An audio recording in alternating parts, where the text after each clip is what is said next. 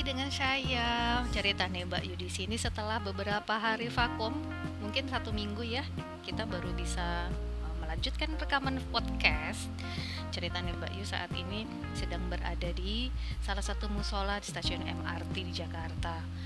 Kenapa saya tiba-tiba terbersit untuk rekaman podcast di dalam musola? Karena musola di saat ini sedang sepi sekali.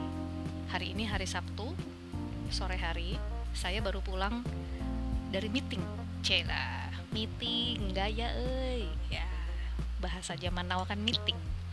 Padahal sih ketemuan biasa. So far meeting ini alias pertemuan ini ujung-ujungnya ke perencanaan bisnis.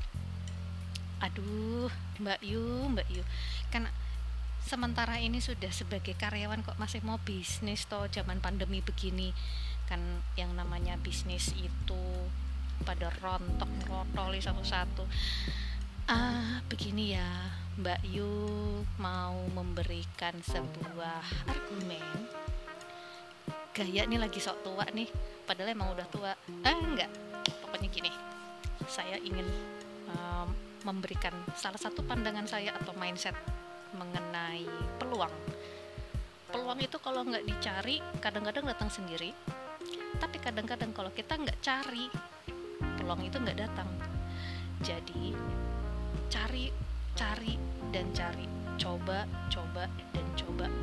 Kita nggak pernah tahu peluang itu datangnya dari mana. Kalau kita nggak pernah mencoba.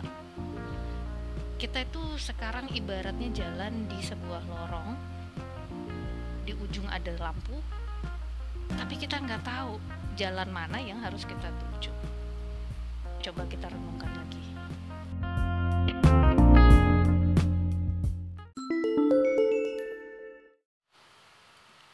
Salah satu hal yang bisa kita manfaatkan adalah hubungan silaturahim, hubungan persahabatan, hubungan pertemanan, baik itu secara profesional maupun secara persahabatan sejati biasa. Tapi bukan berarti kita asas manfaat loh. Hati-hati, kita tidak boleh memanfaatkan teman untuk kepentingan kita sendiri. Ada tabur, ada tuai, ada karma. Kalau orang bilang yang baik kita akan mendapat yang baik kalau kita buruk kita juga akan mendapatkan hal buruk prinsipnya itu aja kita kolaborasi di zaman pandemi sekarang ini banyak webinar A banyak webinar B gitu tapi saya pribadi nggak masalah lah ya kita mencoba beberapa kemungkinan-kemungkinan mendengarkan uh, webinar A, webinar B, webinar C walaupun jujur kalau malam kepala saya juga pusing juga bahkan pernah distract otak saya karena nggak biasa offline terus-menerus dalam jangka waktu yang lama. Setelah itu, saya dan teman-teman brainstorming, baik itu secara offline, baik itu secara online. Oke, okay, what's next? Apa yang bisa kita lakukan? Apa yang bisa kita jalani gitu? Well, so far saya sangat bersyukur karena sampai saat ini saya masih memiliki pekerjaan uh, blessing banget dan itu yang membuat saya untuk berusaha lebih keras walaupun sudah ada gaji masih jadi pegawai tapi di saat itulah saya tidak boleh santai-santai di saat inilah saya harus mencari hal baru yang tujuannya atau visinya adalah untuk 5 sampai 10 tahun ke depan. Eh, 10 tahun ke depan itu nggak sebentar loh. Eh, nggak sebentar, nggak lama loh. Halah, salah.